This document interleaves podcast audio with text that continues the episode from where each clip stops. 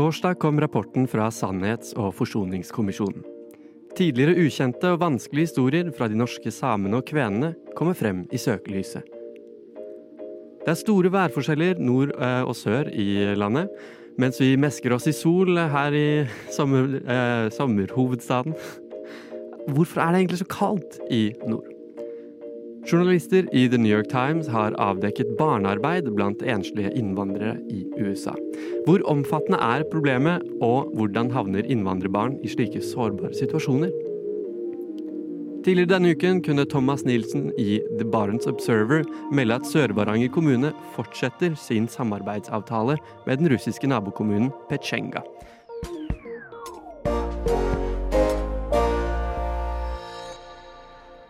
God fredagsmorgen, god fredagsmorgen alle der hjemme i bilen eller foretrukken eh, podkast-app. Mitt navn, det er Benjamin Nordtømme. Og i dag, den 2. juni 2023, har jeg æren av å være kaptein på dette skipet vi kaller Opplysningen 99,3.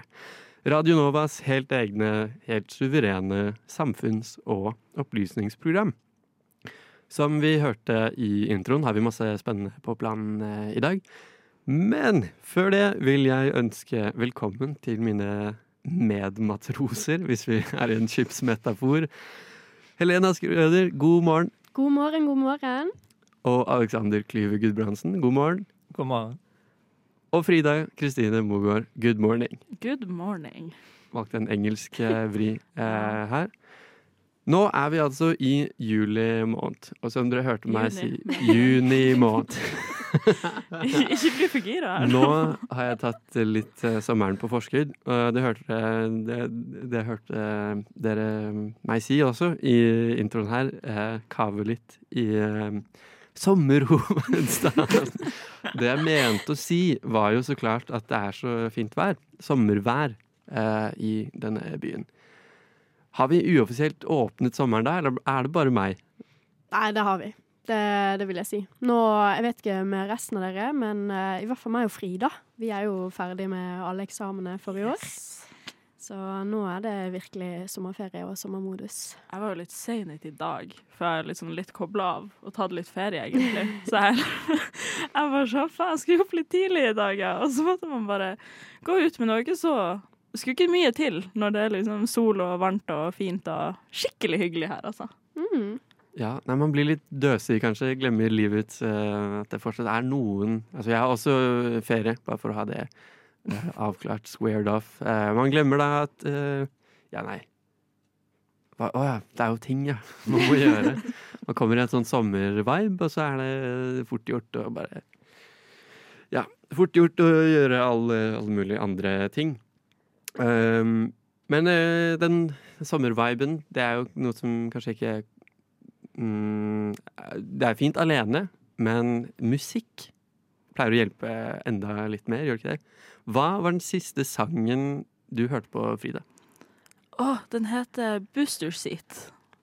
Booster Seat? Ja, den er litt sånn indie, eh, søt liten, eh, søt liten sang. Husker ikke artisten. Det er en av mine favoritter nå. Den er sånn Jeg spiller den sykelig mye hvis dere skjønner. Sånn, oh, så nice. Jeg kommer til å bli lei av den om sånn to dager, mm. men nå er det liksom, jeg får sånn abstinenser mm. etter å høre den. Altså. Den er veldig sommerlig. Jeg kan faktisk ta og sjekke. Artist.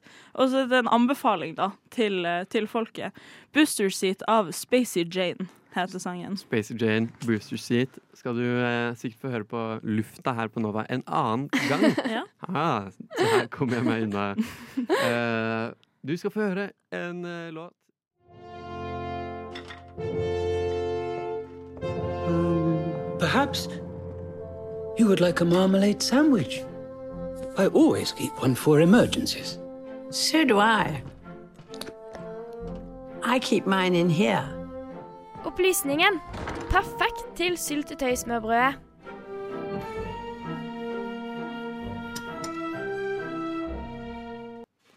Det stemmer. Eh, jeg vet ikke om du spiser syltetøysmørbrød akkurat nå eller ikke. Det er i hvert fall irrelevant.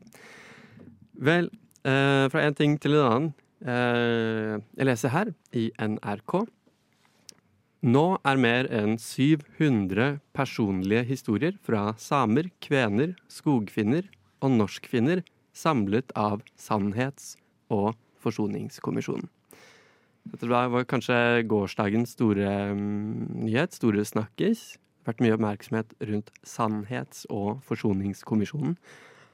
Skal vi begynne med hva det er for noe? Eh, Frida, har du noen formening om hva mandatet til Sannhets- og forsoningskommisjonen er?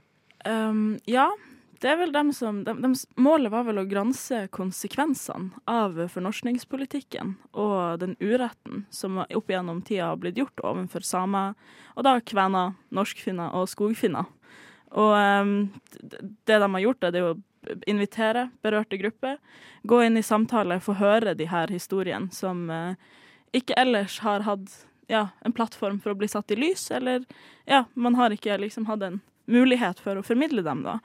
Og det, det da, de begynte vel i 2018, vil jeg tro. Og nå er rapporten levert. Og eh, det er jo for å redegjøre litt, da, og finne ut eh, hvordan samtalen videre kan gå, hva man kan gjøre.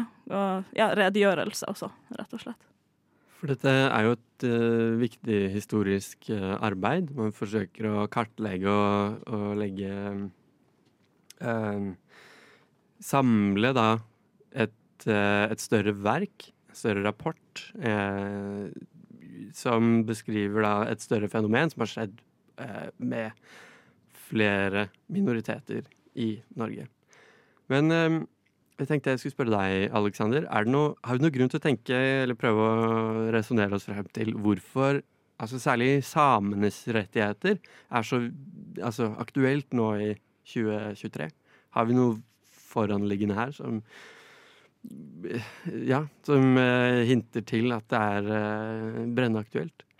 Um, det første jeg tenker på, er kanskje Fosen-saken, da, som har vært veldig aktuell. Eh, hvor samenes eh, rettigheter har vært veldig i fokus. Og samene har hatt en veldig Eller mange samer har hatt en veldig aktiv eh, aktivisme i den saken. Som mange kaller et pågående menneskerettighetsbrudd. Så det er i hvert fall kanskje én av sakene, kanskje den viktigste. Mm. For det er um, Som vi hørte her, så er det jo snakk om Altså, fornorskningspolitikken gikk eh, kanskje primært utover samene Altså rent tallmessig, som en størrelse, så er det flest samer som har blitt utsatt for fornorskningspolitikken gjennom, gjennom tidene. Eh, så det er kanskje en komponent der også. Eh, men ellers er det jo eh, også snakk om mange eh, snakk om, mange, altså snakk om andre minoriteter også, som gjerne ikke har fått så mye oppmerksomhet gjennom, eh, gjennom tidene.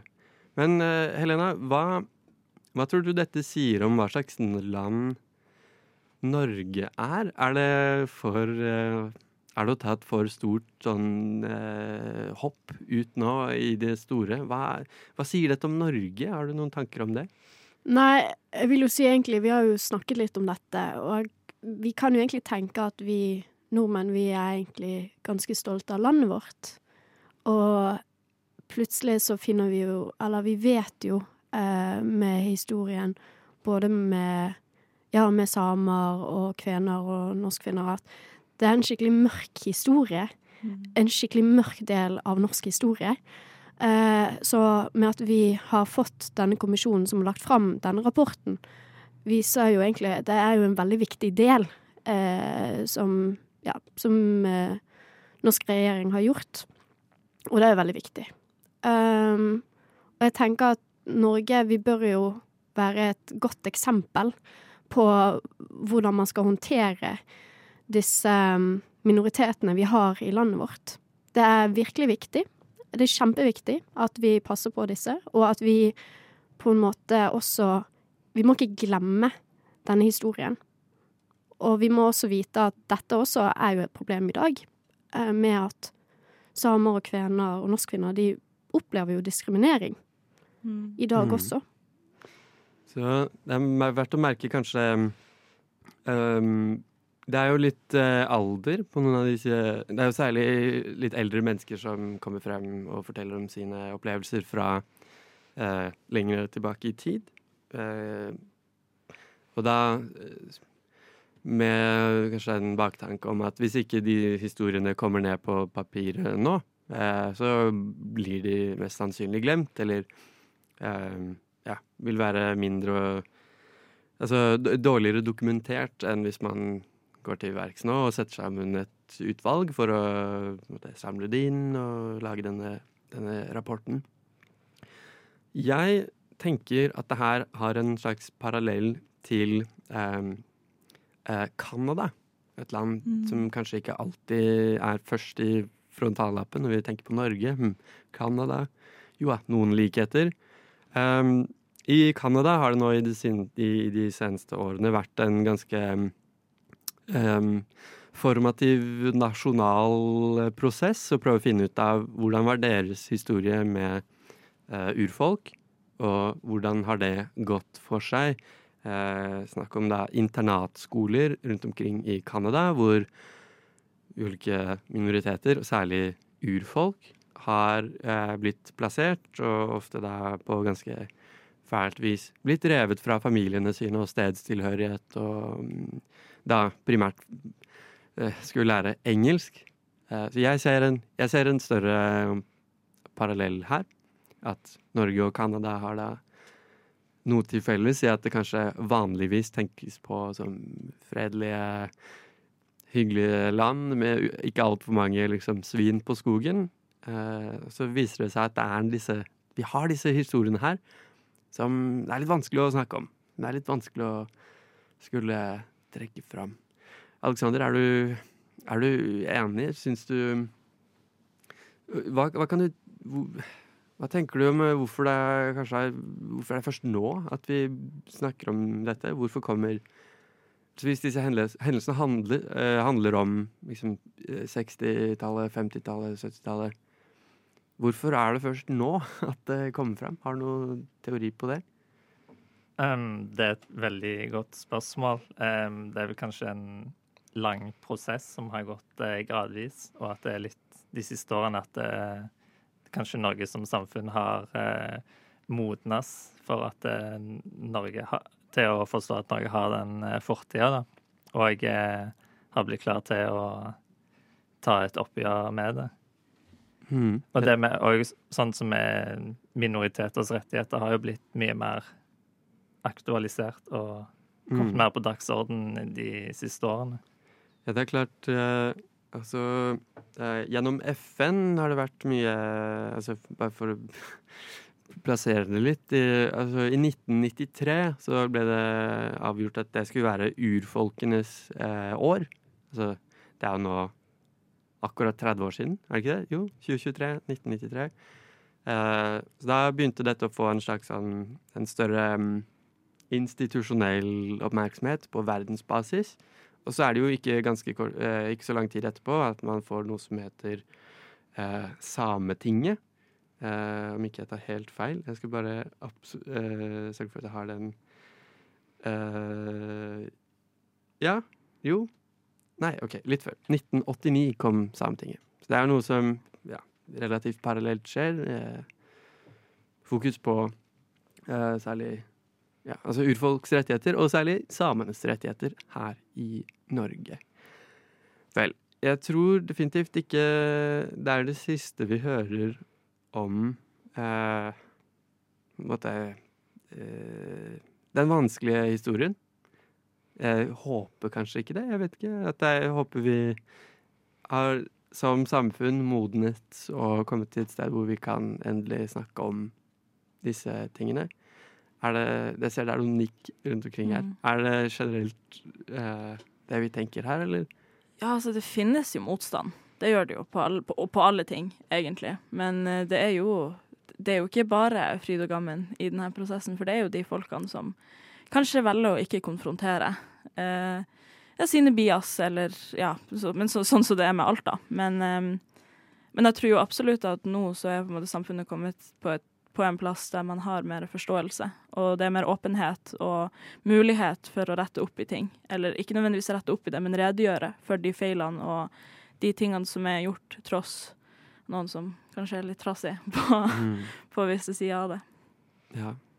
Nei, vi får bare være oppmerksomme og følge med eh, om det skulle være noe mer. Og det blir det jo også helt sikkert. Så oppmerksomheten har kanskje kommet eh, for å bli. Og det er altså så provoserende at folk tror at vi tuller, men vi gjør ikke det, altså. Dessverre. Opplysningen på Radio Nova. Aldri redd, alltid balansert. Det stemmer, det stemmer. Vi er Opplysningen 99,3, og du hører på Radio Nova. Jeg har nå foran meg eh, yr.no, denne fantastiske nettsiden. Det finnes også andre konkurrenter, du trenger ikke gå på yr.no. For jeg bare må si det, eh, fordi vi ikke er sponset eller eh, driver reklame. Eh, her har jeg Tromsø, Tromsø by. Der står det seks grader føles som fire. Eh, Frida Kristine Mogård, du er fra Tromsø. Ja. Eh, hva er din kommentar på dette? Veldig forventa, egentlig, kan man si. Nei, det er, um, det er veldig grått og kjipt og trist, og empaten i meg syns synd på mine medtromsøværinger der oppe. Og jeg syns litt synd på meg sjøl som skal dit snart, på sommerferie. Rett og slett. Ja, for det er ingen hemmelighet at vi har ganske forskjellig vær rundt omkring i dette langstrakte landet. Eh, det jeg prøvde å si i introen. Så hvis du har vært med siden første stund, så eh, vet du det. Det var det jeg mente å si. Jeg kalte altså Oslo sommerhovedstaden. Eh, jeg mente å si da at det er sommervær. Jeg blandet litt ord her. Men eh, for det er definitivt sommerlige temperaturer eh, å oppleve og føle her i Oslo by.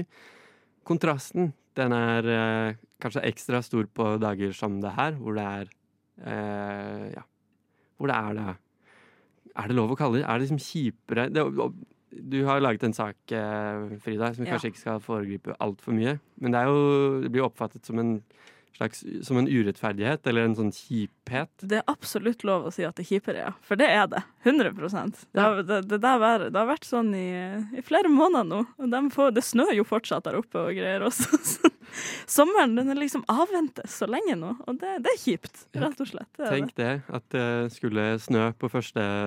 eh, juni eh, ja, i Tromsø. Det er jo eh, leit. Men vi kan få høre litt om hvorfor det er sånn. For det er jo det eh, vi egentlig nå må egentlig Det er nå, det vi må finne ut nå. Hvorfor er det så forskjellig vær i nord og sør? Vi skal få høre fra Frida Kristine Mogård. Jeg har ikke brukt utejakke på nesten en måned. Og det har jeg heller ikke trengt. Som en ellers værvant nordlending har det vært særlig forfriskende å føle på sommeren såpass tidlig, og ikke måtte ha stillongs under bunaden på 17. mai. Men hver gang jeg forteller familie og venner i nord om værtilstandene her nede, så blir jeg ikke møtt med smil og kjærlighet. Nei, beskjedene de lyder nok litt mer som sånn her. Så jævlig bra for deg, da. Vet du hva, det gidder jeg ikke å se på. Hold nå kjeft! I pinsehelga snødde det så langt sør som i Trøndelag, og Nord-Norge kom så klart ikke foruten.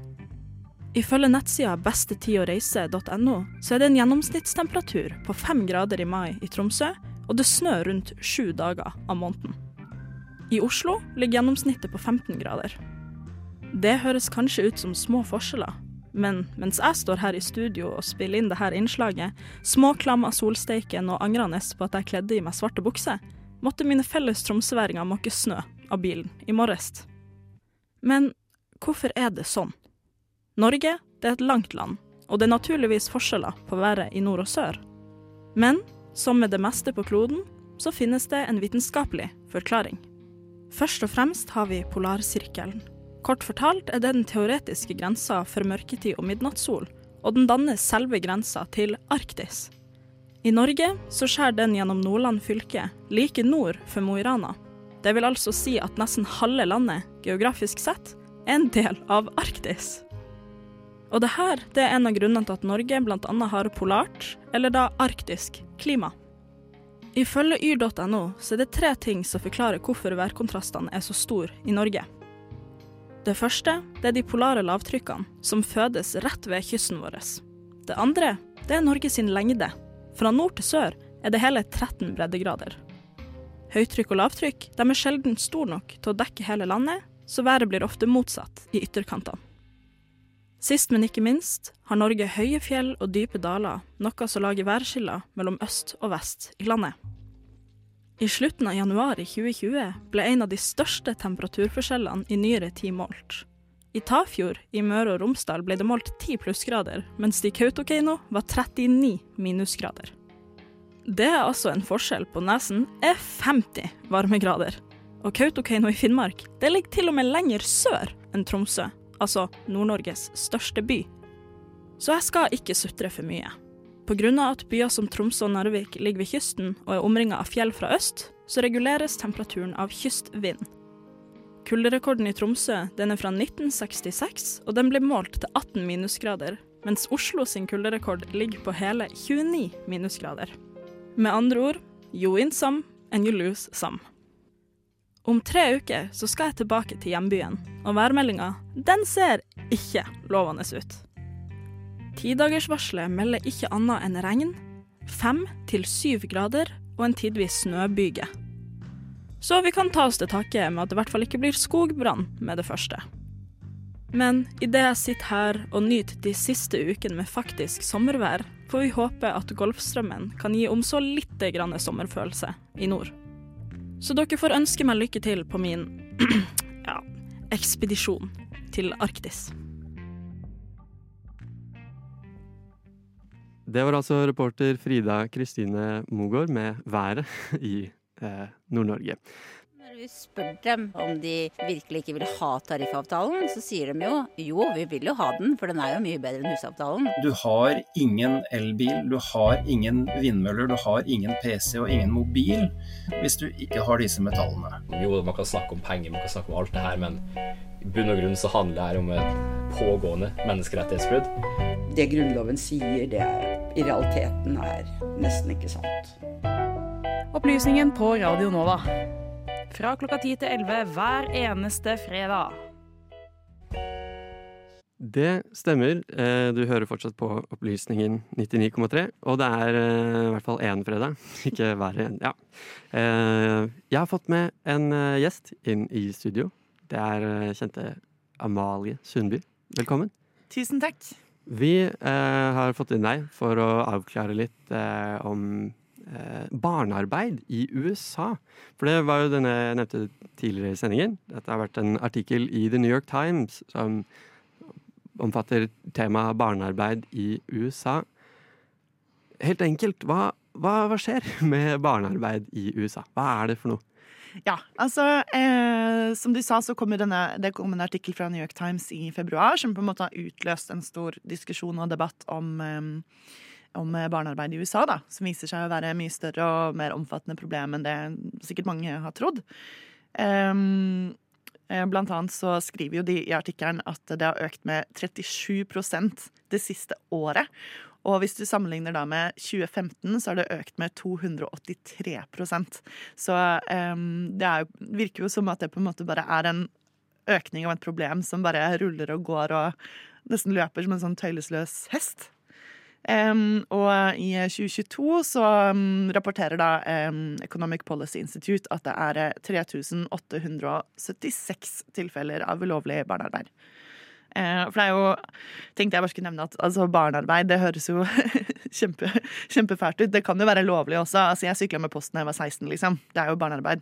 Men her er det snakk om ulovlig barnearbeid. ja.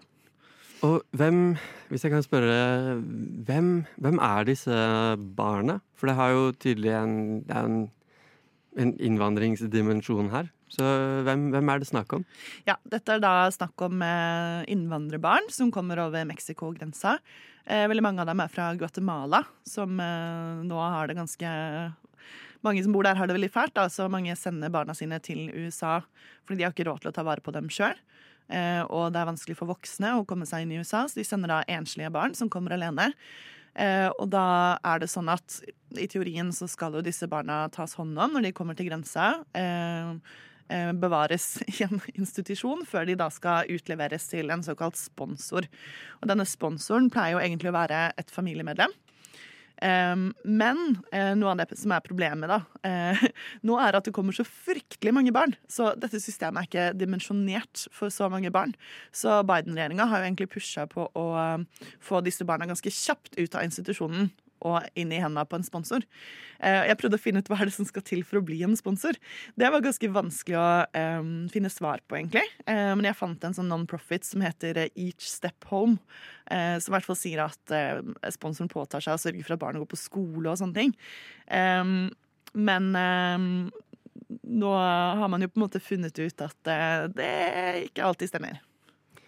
Nei, for hvor, hvor Det som kanskje eh, Det jeg sitter igjen og lurer litt på, er altså hvorfor disse barna jobber, og hvorfor de da eh, altså, jobber ulovlig, gjerne. Det er jo det barnearbeid er, ikke sant? Barnearbeid er jo ulovlig. Så hva er det som er um, spesielt eh, skjørt i deres situasjon som gjør at de må jobbe? Hva, hva kan vi si om det? Det er jo to hovedårsaker. Em, altså, fordi Noen av de kommer jo som sagt til familiemedlemmer, og det kan jo være familiemedlemmer som er glad i dem og har lyst til å ta vare på dem, um, men hvor det er en felles forståelse for at de har blitt sendt dit for å sende penger hjem. Så um, de kan være også en veldig snill tante eller onkel, men som allikevel er sånn Ja, men du skal jo jobbe, så de jobber jo da nattskift. Eh, kanskje til og med tolv timer hele natta, og så skal de liksom gå på skole på dagen, men det går jo ikke så bra. Det kan være én årsak. Eh, eller så kan det rett og slett være menneskesmuglere som eh, har fått dem inn. Det er et veldig sånn rørende eksempel i den New York Times-artikkelen om en 13 år gammel gutt som liksom kommer i kontakt med en sånn sponsor på Facebook.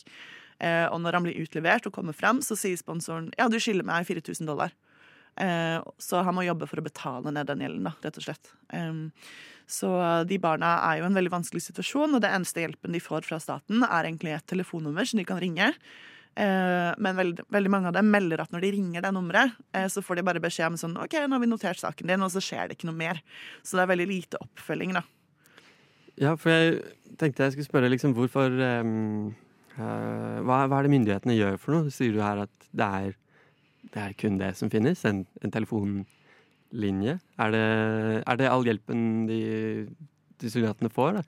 Eh, ja, altså samtidig som eh, denne saken ble, publisert, så eh, Nå har jeg ikke funnet ut helt dato om det var før eller etter, eller noe sånt, men Biden-regjeringa har jo sagt at de skal prøve å slå ned på det her. Eh, men eh, vi har snakka litt før om i opplysningen at eh, lovverket i USA er jo kjempekomplisert. Så det er jo føderale lover som på en måte kontrollerer barnearbeid. Men samtidig så er det veldig mange stater som nå kjemper for å gjøre det lettere å ansette barn. Og eh, tidligere nevnte eh, eh, Economic Policy Institute, de mener jo at eh, disse lovforslagene er ment å stride mot eh, Grunnloven. Da. Eh, og de går ut på annet å utvide arbeidstiden. Altså Sånn som det er i dag, så har ikke barn eh, under 16 lov til å jobbe etter klokka sju på kvelden, f.eks. Det vil de Mhm. utvide til Mhm. klokka ni. Eh, De har ikke lov til å jobbe mer enn tre timer om dagen. Det vil de utvide. Eh, Og noe av det jeg syns var aller aller mest sjokkerende, er at i en av statene, nå husker jeg ikke hvilken, så vil de fjerne den loven som eh, pålegger arbeidsgivere å sjekke hvor gamle barna er når de ansetter dem. Eh, Som Yes. jeg bare syns er helt sånn Er ikke det bare å heie på ulovlig arbeid, på en måte? Yes, det, er- det er litt sjokkerende, det er sjokkerende å høre. Eh, vi, vi vet jo at i USA, i, eh, i amerikansk politikk, så er innvandring et stort og betent tema. Jeg kan, jeg vil nevne her at eh, eh, tidligere president Donald Trump han sa tidligere denne uken at dersom han blir gjenvalgt, så vil han skrive om den amerikanske grunnloven, altså The 14th Amendment, som gir alle eh, som er født på amerikansk jord, eh, rett på statsborgerskap, og da rettighetene som kommer med statsborgerskap. Men eh, denne artikkelen den er noen måneder eh, gammel, men kan vi, kan vi kanskje spekulere i at eh, mer nasjonal oppmerksomhet i USA rundt disse barnearbeiderne og deres rettigheter Kan vi spekulere i at det muligens eh, bedrer situasjonen? Jeg håper det. Eh, Det har jo allerede vært mye rapportering om eh, situasjoner der barnearbeid har blitt oppdaga og selskapene har fått bot. Eh, noen ganger så tror jeg nesten det eh, hjelper mer da, for å få dem til å slutte, enn eh, at bare folk får eh, inntrykk av at det er kjipt. Eh, men ja, vi får se. Det, jeg er ikke noe spåkone. Nei, jeg er heller ikke noe spå, spåmann. Men det er jo kanskje det er i hvert fall det jeg tenker er litt av motivasjonen da, til at New York Times dekker og tar det opp eh, såpass eh, nasjonalt fora det er jo forum. Det er jo ja, den eh, eh, mest leste avisen, i hvert fall, i, i USA. Så vi får se om, om det har noen vekt eller tyngde utover det vi har snakket om. Men da vil jeg bare si ellers ja, takk til Amalie Sundby for denne fine avklaringen her. Vi er nødt til å gå til en låt her på Radio Nova. Eh, du skal få Iben med Ribcage. Teknologi og digitalisering gjør at det vi ikke fikk til for noen år siden, det er mulig nå. At det å stadig vekk skulle balansere mellom frihet og ufrihet Det er ikke noe særlig lurt å stole på viljestyrken, f.eks. Kirkas demokratisystem. Opplysningen hver fredag fra klokken 10 til 11. Det stemmer, det stemmer. Vi er Opplysningen 99,3, og det er fredag. Og vi har kommet til eh, sendingens eh, siste eh, saklige punkt. Og her er jeg nødt til å lese opp faktisk hva det er vi skal snakke om. For tidligere denne uken kunne Thomas Nilsen i The Barents Observer melde at Sør-Varanger kommune fortsetter sin vennskapsavtale med den russiske nabokommunen Petsjenga. Og reaksjonene, særlig fra Helsingforskomiteen eh, i Åge Borchgrevink, har foreslått at eh, hvorfor velger man ikke heller å bli vennskapskommune med noen i Kasakhstan eller Ukraina, eh, når dette historiske samarbeidet tenkes å knyttes til eh, andre verdenskrig og frigjøringen av Finnmark. Vi vet at den første soldaten som krysset eh, grensen, eh, var ukrainsk, blant annet. Så det er den historiske, historiske lille bakteppet. Men det er jo noe som foregår, foregår akkurat nå, som kanskje er enda større og veier litt tyngre. Det er krig i Europa, og vårt naboland Russland har invadert Ukraina og driver krig. Så her vet vi da at det er eh, et ukjent antall i tusentalls størrelse eh, mennesker fra Petsjenga, altså nabokommunen til Sør-Varanger, den russiske nabokommunen, som har reist til Ukraina for å krige. Frida, Ja. hva, hva, hva er din umiddelbare reaksjon når du hører at eh, at man velger å fortsette en, en vennskapsavtale med, med en, en russisk nabokommune? Jeg tenker at Da tenker man ikke stort nok på saken, egentlig. Da er man litt for, eh, for eh, geografisk. Ja, det er naboen, det går bra. Men eh, man tenker ikke de implikasjonene et sånt samarbeid kan få, rett og slett. Og ikke bare det, men også hvordan det ser ut, nesten.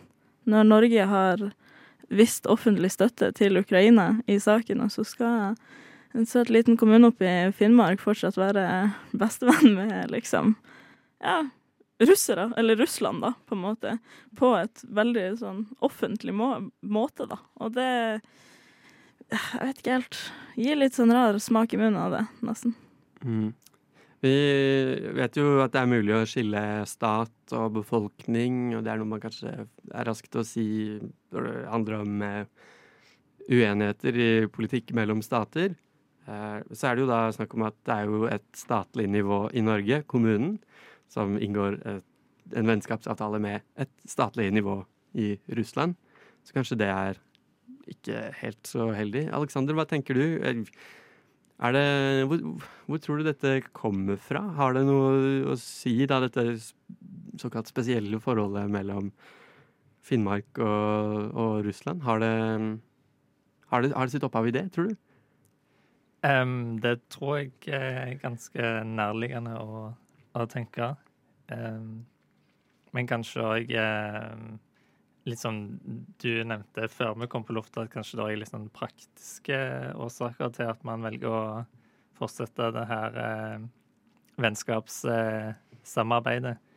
Og eh, kanskje òg tanken er litt at eh, vennskapssamarbeid er litt sånn folk-til-folk-samarbeid, er, det- det man kaller det? At eh, der kan man gjerne fortsette å ha litt dialog, en litt sånn bitte liten åpen kanal, mens man har veldig sanksjoner og litt mer sånn stengt eh, kommunikasjon, eh, stengt samarbeid på litt øvre nivå. Mm. For det er jo ikke så godt forhold mellom Russland og Norge nå om dagen. Det er jo av åpenbare grunner, kanskje. Men Fride, så du hadde en hånd oppe her. Ja, altså Alexander, det du sier, det gir jo veldig mye mening også. Man tenk, jeg tenkte kanskje ikke helt sånn på det til å begynne med, men eh, det er jo noe med det at skal man være fiende med dem man deler grenser med, på en måte også, og det at man kan ha litt sånn ja, et vennskapssamarbeid der, det gjør kanskje også Det letter kanskje litt på trykket for ja, potensiell invasjon til Norge også, da. I hvert fall mentalt Mm. sett, da. Man tenker sånn Hadde man invadert en land, kan man si. Sånn sett. Ja, nei, jeg vet ikke om det har stoppet Russland før, jeg. Ja, det er et godt poeng. Eh, Men det er, det er i hvert fall Det ligger jo noe i det, da. Hvorfor det reageres eh, så sterkt på dette. Eh, bunner jo i at det er en ganske spesiell situasjon. Eh, eh, Helena, hva, hva vet du, eller hva kan du si om forhold, forholdet Norge-Russland? Er vi har vi kommet til et punkt der hvor det er liksom fullstendig brytning? Altså, vi har jo hatt en normal som kanskje har vært det å samarbeide på eh, ja, områder så forskjellige som fiske og eh, Det har jo til og med vært kystvaktsamarbeid og mye, mye rart. Eh, eller mye forskjellig rart, er kanskje galt å si. Hvor står vi nå? Hva er, eh, hva er ståa nå 2. juni 2023? Og er det noe håp om å komme tilbake til det, liksom? Ja. eh, nei, vi i Norge og Russland, vi har jo prøvd å eh, ha et godt samarbeid, eh, egentlig historisk sett, fordi vi er eh, naboland. Eh, men akkurat nå, så vil jeg jo si, etter invasjonen av Ukraina, så vil jeg jo si at eh, det har kommet et brudd mellom oss. Um, og jeg vet ikke. Jeg synes jo at det er litt sånn vanskelig å tenke på akkurat det nå. For jeg tror egentlig ikke at vi vil klare oss å komme oss tilbake slik det har vært tidligere. Um, for jeg tror veldig mange har Det har blitt plutselig veldig tett på, denne, denne krigen, da. Og vi har jo opplevd, og vi har Jeg tror flere av oss har møtt flere ukrainske flyktninger Mm. og har snakket med de. Um, og da plutselig blir det mye nærmere. Da på en måte I hvert fall jeg, da, har jo fått Jeg er jo født etter den kalde krigen.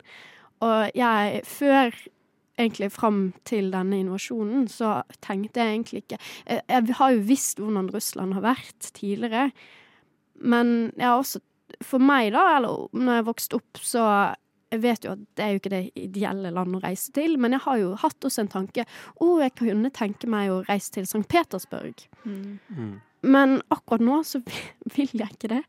Og jeg tror ikke jeg har lyst til det i framtiden heller. Har, det er trist å si det, men man på en måte har fått Jeg har jo blitt litt sånn redd, rett og slett. Jeg har blitt litt redd av Russland, og, og man vil jo ikke Russere er jo et folk òg, selvfølgelig, men man, etter den invasjonen man blir Ja, det har endret seg, dessverre.